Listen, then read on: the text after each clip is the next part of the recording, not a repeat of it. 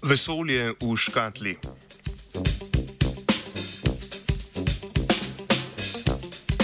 V laboratorijskem eksperimentu Heidelberške univerze je raziskovalcem in raziskovalkam s preučevanjem ultrahladnih atomov uspelo simulirati prilagodljiv prostor-čas in s tem celotno družino ukrivljenih vesolj.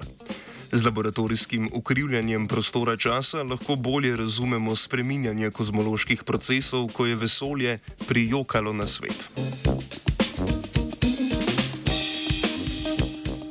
Po večini kozmoloških modelov se je vesolje začelo z zelo hitrim razširjanjem.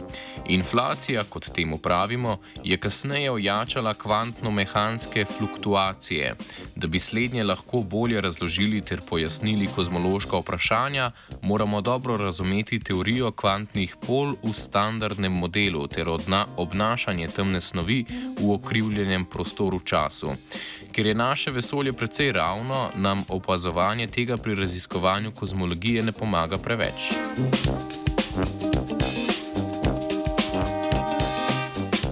Raziskovalni skupini je s pomočjo Bose-Einsteinovega kondenzata uspelo doseči ukrivljen prostor-čas.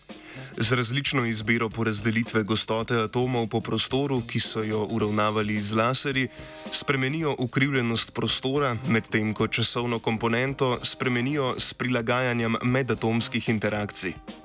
Skupini je uspelo pridobiti metriko oziroma opis prostora časa, ki ustreza tako imenovani FLRV metriki. Ta opisuje kozmološki razvoj vesolja, na njej pa opazujejo spremembe eksistacije polja in atomov, ki jih povzroči premikanje valovnega paketa zunaj zunanjega fotona.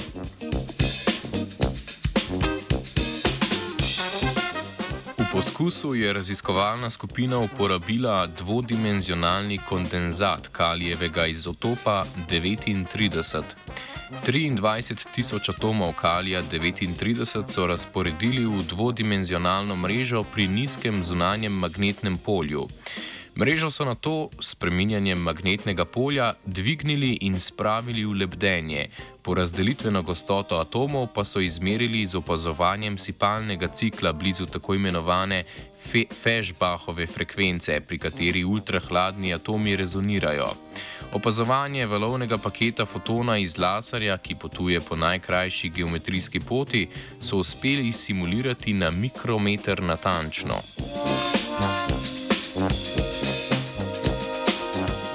Kozmološka teorija in nastanek vesolja seveda potekata na nepredstavljivo velikih škatlah, v laboratoriju pa dobesedno v sobi velikosti garaže.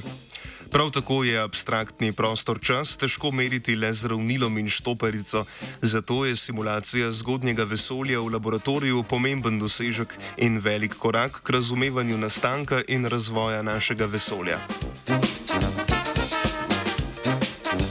Vesolje v škatli simulira Filip. Three,